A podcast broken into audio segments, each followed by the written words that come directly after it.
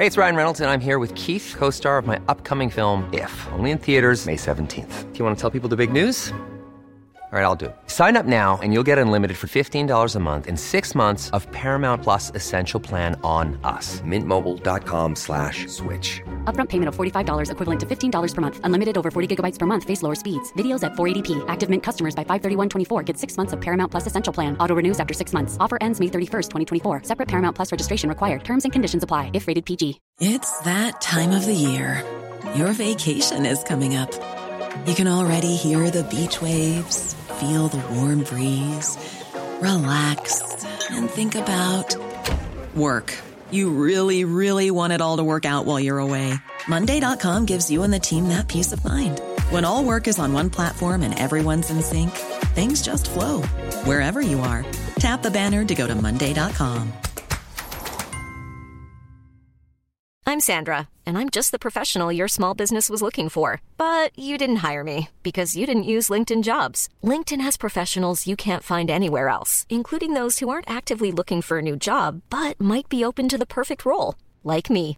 In a given month, over 70% of LinkedIn users don't visit other leading job sites. So if you're not looking on LinkedIn, you'll miss out on great candidates like Sandra. Start hiring professionals like a professional. Post your free job on linkedin.com/people today.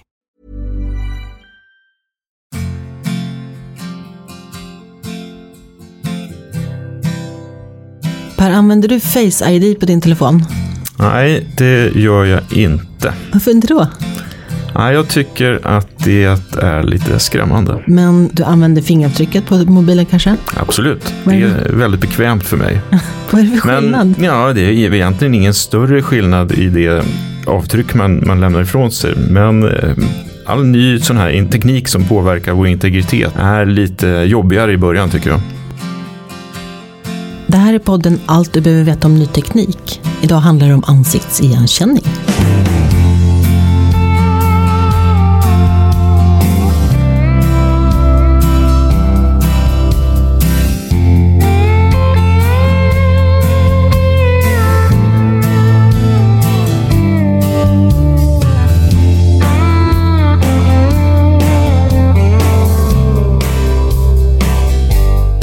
Hej och välkomna till podcasten Allt du behöver veta om ny teknik.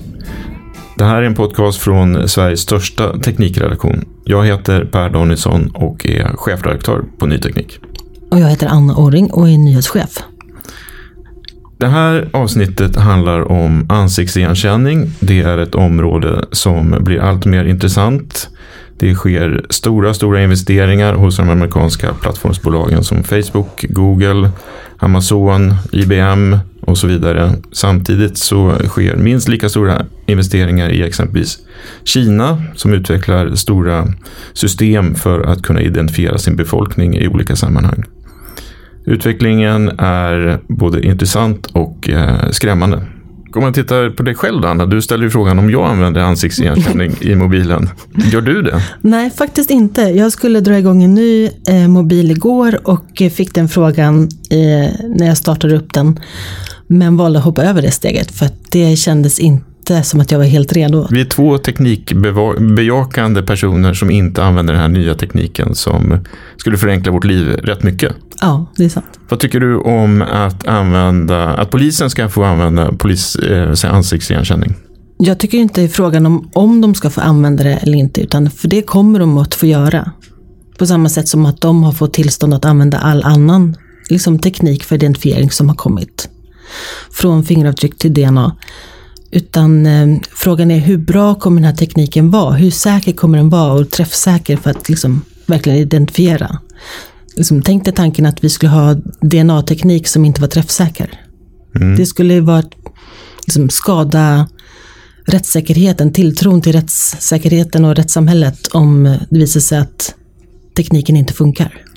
Samtidigt så ser vi ju då flera amerikanska städer där man faktiskt förbjuder den här tekniken i, inom polisen, bland annat San Francisco. Eh, vad tror du att det här beror på? Jag tror att det vi ser är en liksom, process där de, de kommer också att godkänna det här till slut. Jag har väldigt svårt att se framför mig att det här inte kommer att användas. Det finns ju egentligen tre, tre områden där de här pengarna investeras i. Och det, ett av dem är ju då eh, polis och försvarsmakt och så vidare. Men det andra är ju också i, inom handel och retail. Mm. Där man då ska kunna läsa av en kunds ansiktsuttryck när de kommer in i butiken. Och när de håller upp ett plagg så, så ler de och då är sannolikheten större att de ska köpa det här plagget och så vidare. och så vidare. Vad, vad, vad tycker du om det? Alltså det känns ju spontant rätt olustigt. Men jag vet också att det finns eh, företag, och bland annat svenska företag, som tittar på hur kan man använda delar av den här tekniken utan att man för den del identifierar mig som person, koppla ihop med ett personnummer eller så, men mera identifiera att den här personen A har varit inne i butiken då och så kommer den tillbaka efter en vecka och då beter den sig så här. Så det blir liksom avidentifierade data. I det här avsnittet ska vi få lyssna på en intervju med en svensk forskare och företagsledare. Det är Jörgen Alberg på företaget Visage i Linköping. De har jobbat med den här tekniken länge och han kommer att gå in rätt ordentligt i tekniken på djupet för att förklara vad är det som sker vid ansiktsigenkänning. Sen kommer vi också få höra Amanda Lagerqvist. Hon är forskare på Uppsala universitet och tittar mer på hur funkar det när den här tekniken möter människor och samhället? Vad uppstår det för frågor? Vad uppstår det för rädslor och farhågor till exempel?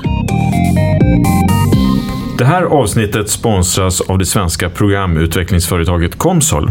Anna, vet du vad Comsol gör? Ja, de tar fram algoritmer och gränssnitt som sedan används av tiotusentals ingenjörer över hela världen.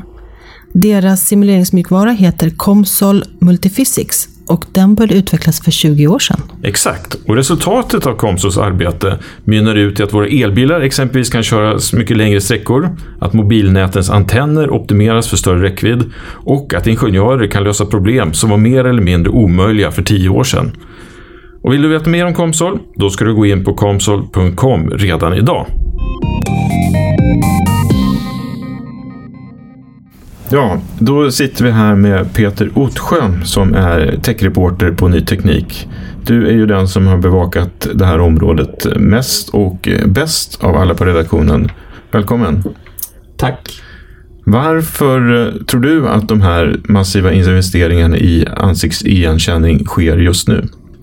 Därför att det är först nu som tekniken har blivit möjlig att genomföra.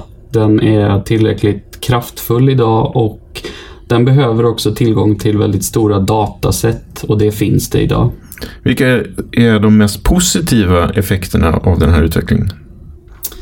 Det är ju att uh, vi kan få det enklare i vardagen. Om det är det vi är ute efter. Man skulle kunna använda biometrisk identifiering på alla möjliga vis. Använder du det? Ja, det gör jag. Jag använder eh, det för att låsa upp min telefon. Eh, jag använder det för att betala med i vissa butiker och sådär. Du är ju faktiskt en av de som hoppar på ny teknik snabbast. Du är chippad och eh, var säkert tidig med fingerav, fingeravtrycksavläsning och så vidare. Varför är det så intressant för dig att vara, ligga i absolut framkant? Därför att eh, jag är nyfiken på det och har alltid varit nyfiken på det. Men jag tror också att eh, det är viktigt att eh, hänga med i hur teknikutvecklingen ser ut och inte vara rädd för den. Och ju närmre jag är den typen av teknik, eh, desto bättre koll har jag på den och desto mindre skrämmer den mig. Apropå skrämmande, det finns så mycket eh, negativa sidor som lyfts fram kring ansiktsigenkänning. Vad, vad känner du inför det? Ja, det är en väldigt lurig teknik på det sättet att den går att identifiera människor eh, på avstånd. Eh, utan att de här människorna egentligen behöver känna till det. Och därför så går den att missbruka på alla möjliga sätt. Den tekniken är inte perfekt, den gör fel ibland och den kan identifiera fel personer med svåra konsekvenser som följd. Peter, nu hör ju lyssnarna hur du låter, men hur ser det ut egentligen? Ja, jag har äh, skägg och jag har bruna ögon och äh, väl lite för grått hår. Man skulle kunna sammanfatta då att du är den på redaktionen som mest liknar George Clooney. Om ett system för ansiktsigenkänning skulle ta sig an ditt ansikte, hur skulle det systemet gå tillväga? Det var faktiskt en fråga som jag ställde till Jörgen Ahlberg som är forskningschef och medgrundare på Visage Technologies i Linköping. De håller på med ansiktsigenkänning. Varför åkte du till just Jörgen Ahlberg på Visage? Därför att de var väldigt tidiga med eh, ansiktsigenkänning. Eh, så de har hållit på med det, varit med från början. Eh, sen har de också lockat till sig eh, några av världens största företag. Trots att de fortfarande kan betrakta sig mer eller mindre som en startup. Då tar vi och lyssnar på det. Ja, på Visage så gör vi en mjukvara för att analysera ansikten. Och det handlar om att följa ansiktsrörelser för att kunna skapa animeringar. Det handlar om att läsa av ansiktsuttryck. Ser den här personen glad eller ledsen ut? Följa blickriktning. Kolla var tittar den här personen? Var på skärmen till exempel. Eh, och eh, ansiktsigenkänning och känner igen då vem är det här? Jag befinner mig i eh, Linköping på en del av Science Park Mjärdevi som det heter, som är ett teknikkluster. Ett av Sveriges främsta IT-kluster. Ansiktsigenkänning, hur fungerar det egentligen? Så som det fungerar nu för tiden är att man använder såna här djupa neurala nätverk. Eh, Så att det är många, många lager med eh, artificiella neuroner som förädlar informationen allt eftersom. Det får du nog bena ut lite mer tror jag. Mm, man har en bild till att börja med och ett ansikte. Och då måste vi förstås först, först då hitta ansiktet i bilden och så vrider man rätt det så att det så att säga tittar mot kameran. Ehm, sen så är varje pixel på den här bilden går in till en neuron som eh, förstärker eller eh, försvagar den här, eh, det här värdet. Och sen så kommer ett lager till med massa neuroner som där varje neuron tar in alla värden från ett, eh, några av de neuronerna i tidigare lager och kombinerar ihop dem på lite sätt. Så då, då kan det vara att de eh, till exempel letar efter kanter i bilden. Det är väl det enklaste exemplet. Så man kan se en kontur av ansiktet och såna här saker. Och sen så kommer det fler och fler lager som kombinerar ihop de här sakerna på, på fler sätt. Så att i början är det enkla grejer som kanter och linjer och sånt där. Och sen så småningom så är det mm, mer vad man skulle kunna säga då, mer bildförståelse. Och så ska det komma ut då en signal, ett, ett, en, en vektor med värden som är någorlunda unik för just det där ansiktet. När du säger neuroner, då tänker jag ju på celler vi har i hjärnan. Vad är neuroner i det här fallet? Här är en ytterst förenklad modell eh, av den eh, mänskliga hjärnans neuroner. Eh, som eh, helt enkelt tar in ett antal värden. Det kan vara 10, det kan vara 1000. Eh, från, som är då utvärden från de tidiga neuronerna. Förstärker eller eh, de lite lagom mycket. Man får träna hur mycket de bara en ska förstärkas. Summerar ihop dem och så skickar det genom någon olinjär funktion som man har talat om för neuronnätet att den ska använda. Och skickar ut ett utvärde. Och det, det är allt den gör. Så att den inte är i närheten så komplex som en mänsklig hjärnans neuron. När du säger förstärkas, hur går den processen till? Det är en eh, ren multiplikation. Det kommer in ett värde och så multiplicerar man det med ett annat värde då som gör att det, och en del, du kanske betraktar en, en neuron som är, kommer tid, tidigare, från det tidigare lager som är ganska oviktig och då multiplicerar man väldigt litet värde och en annan neuron är väldigt viktig och då multiplicerar den med ett högt värde. Det här förfarandet att göra på det sättet som du har beskrivit nu, det är inte nytt egentligen va? Men det har dykt upp en hel del förutsättningar nu som, som gör att man har kunnat använda det i praktiken. Vad är det som har hänt? Det är en del saker som hänt. Det är just det här med djupa nät. När, eh, när jag lärde mig om neuronnät på min grundutbildning, då hade de tre lager. Och, eh, och det var ingen större poäng att ha fler då heller. Eh, nu så har man hundratals lager och för att träna alla de här, för att i varje lager finns det kanske då tusentals neuroner. Varje neuron har många sådana här förstärkningsfaktorer, många vikter då som ska tränas fram. Och då måste man ha jättemycket träningsdata och man måste ha jättemycket datorkraft. Ehm, och de sakerna fanns inte förr. Eh, Nu har man eh, grafikkort och man har många grafikkort som står och eh, som är, har visat sig vara väldigt bra för att träna neuronnät. Och så har man databaser med miljontals bilder. Och det fanns inte förr. Men om man vill känna igen mitt ansikte på nolltid, hur går det till? Vad, vad behöver programmet? Räcker det med en bild av mig? Ja, om den har sett dig förut. Den, den måste ju ha något att jämföra med. Det måste finnas en databas med ansikten och, som man då tar ansiktet från kameran då till exempel och så ser man, hmm, finns det här ansiktet i den här databasen? Och så, ha, titta, det är ju du. Hur eh, använder ni den här tekniken i Visage? Ja, vi själva använder den inte utan vi eh, till, eh, tillhandagör ju den här tekniken då till tillhandahåller den här tekniken till våra kunder. Eh, och de i sin tur använder det på olika sätt. Någon, någon sån här bankapplikation, att man ska kunna jämföra sitt ansikte med det på sin ID-handling. Eh, att man ska se att det är rätt person som eh, loggar in på en dator eller på ett fordon.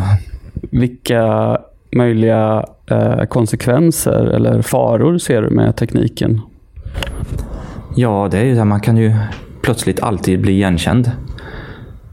Ehm, det kan ju bli så att om ehm, de här teknikerna och databaserna får flöda fritt på internet, att det plötsligt finns de i var mans mobiltelefon och så mm, eh, vet man det att var du än är så, och folk har kameror och folk har kameror så kanske det finns ett spår av dig. Det har faktiskt testats det där också. Va? Det var något fall i Ryssland där det var någon kille som eh, tog bilder på kvinnor på tunnelbanan och eh, sedan eh, matchade dem mot eh, sociala medier och lyckades då spåra de här kvinnorna på det sättet. Det skulle kunna vara en sån fara då. Så är det lite så du tänker? Det är så jag tänker. Det, det är så jag tänker. Där var det ju en social medieplattform i Ryssland, V-kontakte om jag nu uttalar det rätt, som hade läckt. Eller det gick, det gick att eh, tröska sig igenom deras ansiktsprofilbilder och träna ett neuronnät på det. Och sen så kunde man känna igen väldigt många människor. Och även om man inte får en direkt träff, det här är den här personen, så kanske man får upp en lista på, ja det är troligen en av de här tio personerna. Och sen kan man ju titta själv. Den vetskapen om att det kan användas på det sättet, vad innebär det för er som bolag? Är det någonting ni tänker aktivt på att jobba med? Det är ju när vi får kunder som köper det här att, och vill att vi hjälper och utvecklar, att man tänker efter. Vad är det vi utvecklar? Um, och det andra är ju att hålla på data.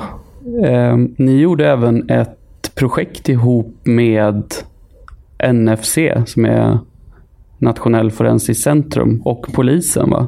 Vad gick det ut på? Ja, det var vi och så var det Linköpings universitet. Um, som var med på både datorskeende och på de etiska bitarna.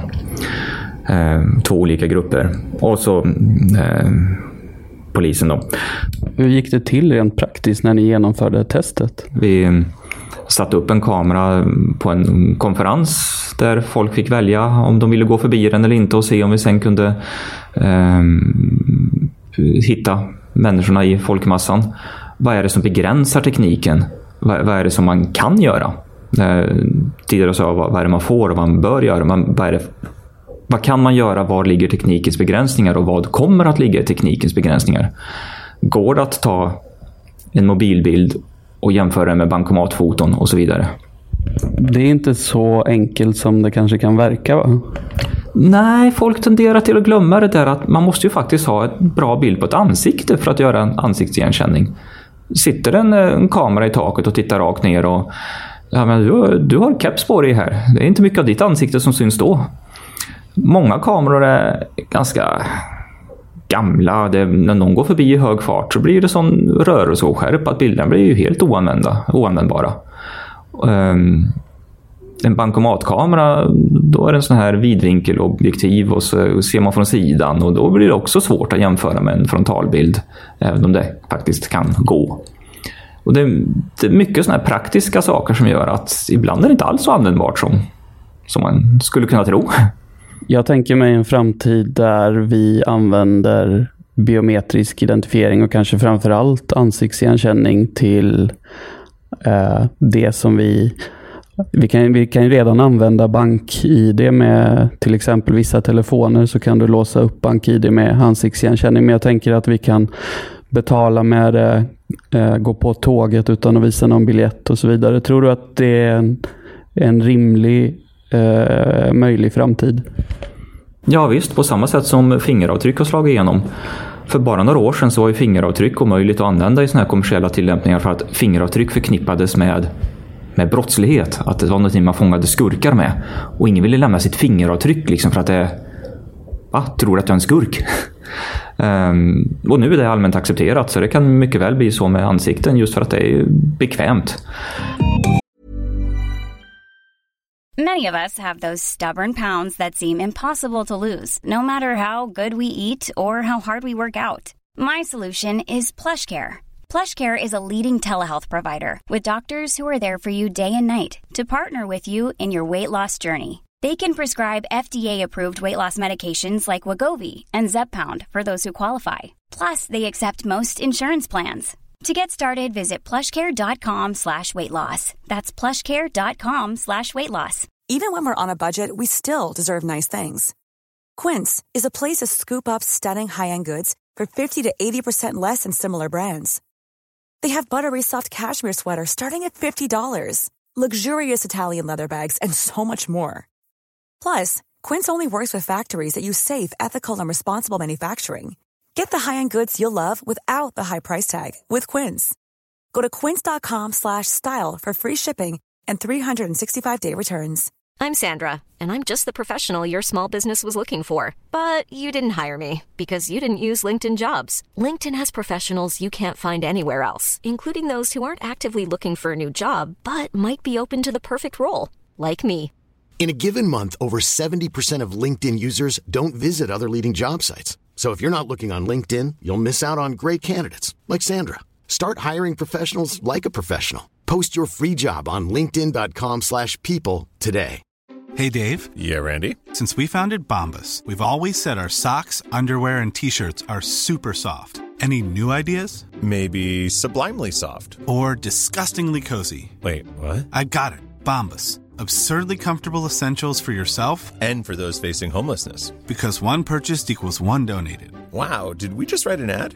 Yes. Bombas. Big comfort for everyone. Go to bombas.com slash ACAST and use code ACAST for 20% off your first purchase. Hey, it's Ryan Reynolds, and I'm here with Keith, co star of my upcoming film, If, only in theaters, May 17th. Do you want to tell people the big news?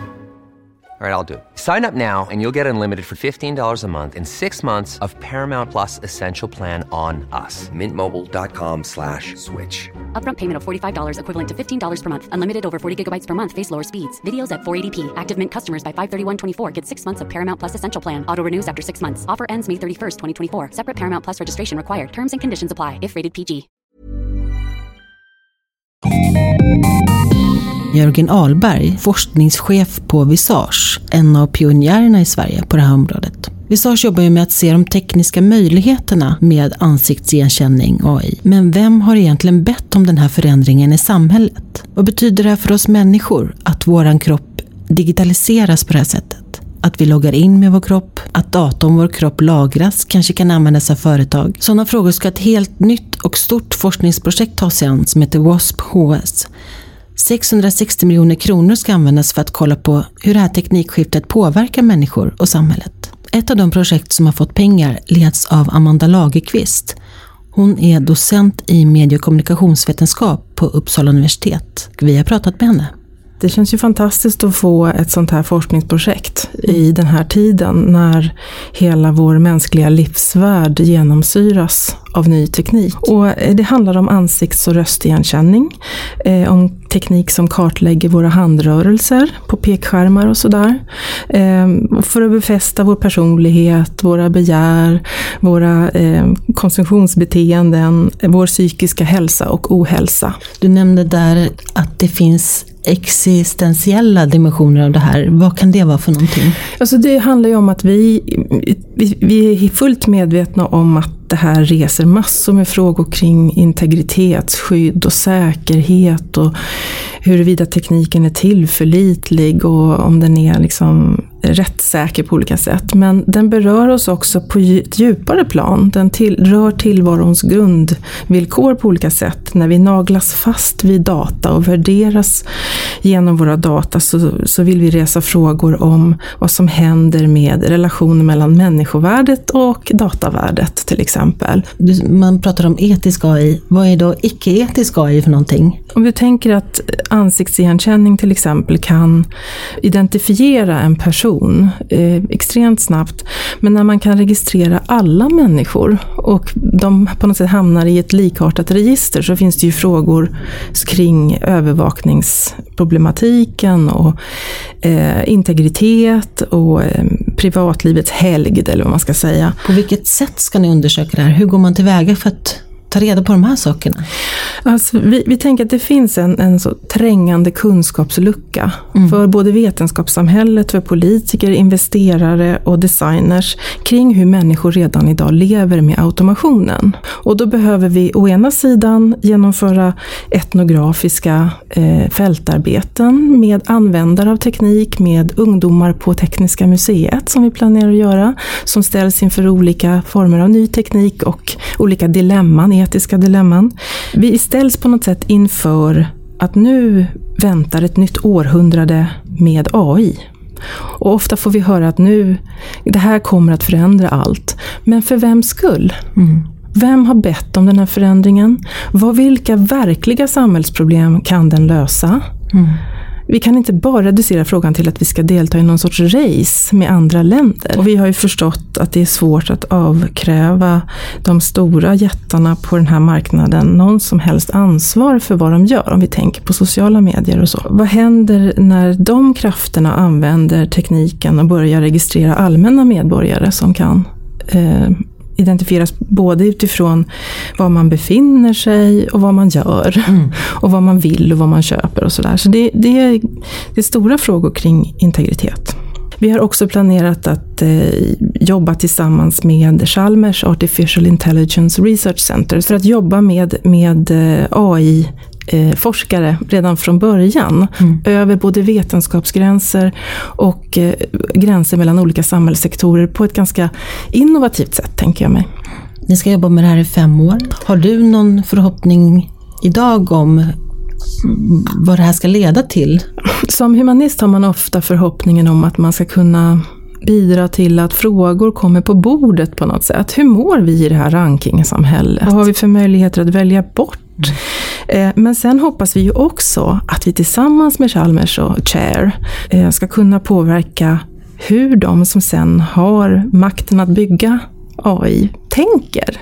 Så de som nu sitter i Sverige runt om och eh, utvecklar teknik eller planerar att utveckla teknik kring AI och biometri, de, de ska kunna tänka, men jag ska nog prata med den här forskargruppen också.